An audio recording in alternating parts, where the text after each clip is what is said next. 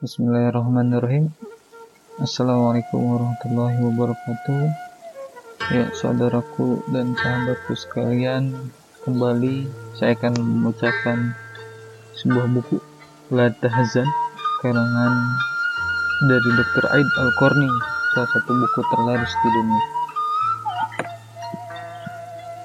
Uh, Pembahasan kita kali ini terkait dengan uh, yang lalu biarlah berlalu mengingat dan mengenang masa lalu, kemudian bersedih atas nestapa dan kegagalan di dalamnya merupakan tindakan bodoh dan gila.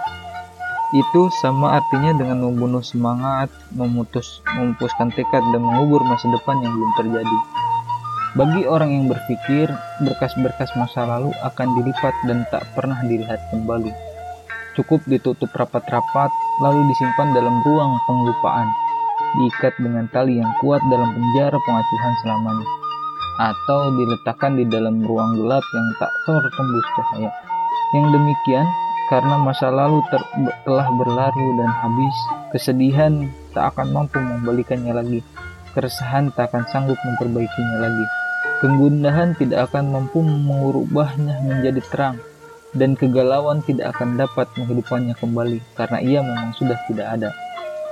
Jangan pernah hidup dalam mimpi buruk masa lalu atau di bawah payung gelap masa silam. Selamatkan diri Anda dari bayangan masa lalu.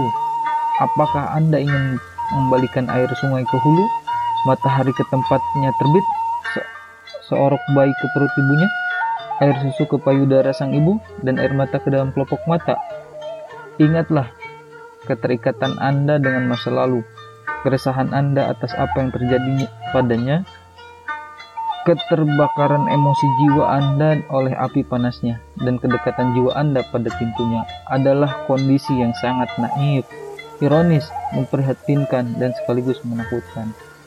Membaca kembali lembaran masa lalu hanya akan memupuskan masa depan, mengendurkan semangat, dan menyia-nyiakan waktu yang sangat berharga. Dalam Al-Quran, setiap kali usai menerangkan kondisi suatu kaum dan apa saja yang telah mereka lakukan, Allah selalu mengatakan, itu adalah umat yang lalu.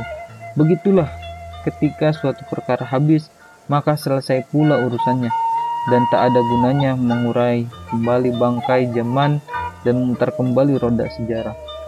Orang yang berusaha kembali ke masa lalu adalah tak ubahnya orang yang menumbuk tepung atau orang yang menggergaji serbu kayu. Syah dan nenek moyang kita dahulu selalu mengingatkan orang yang meratapi masa lalunya dengan demikian. Janganlah engkau mengeluarkan mayat-mayat itu dari kuburnya. Dan konon, kata orang yang mengerti bahasa binatang, sekawanan binatang sering bertanya kepada seekor keledai begini, Mengapa engkau tidak menarik gerobak? Aku benci khayalan, jawab keledai. Adalah bencana besar, manakala kita rela mengabaikan masa depan dan justru hanya disibukkan oleh masa lalu.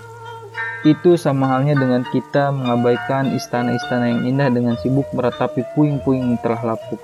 Padahal, betapapun seluruh manusia dan jin bersatu untuk mengembalikan semua hal yang telah berlalu, niscaya mereka tidak akan pernah mampu.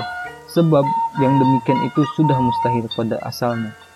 Orang yang berpikiran jernih tidak akan pernah melihat dan sedikit pun menoleh ke belakang. Pasalnya, angin akan selalu berhembus ke depan air akan mengalir ke depan, setiap kafilah akan berjalan ke depan, dan segala sesuatu bergerak maju ke depan. Maka itu, janganlah pernah melawan sunnah kehidupan.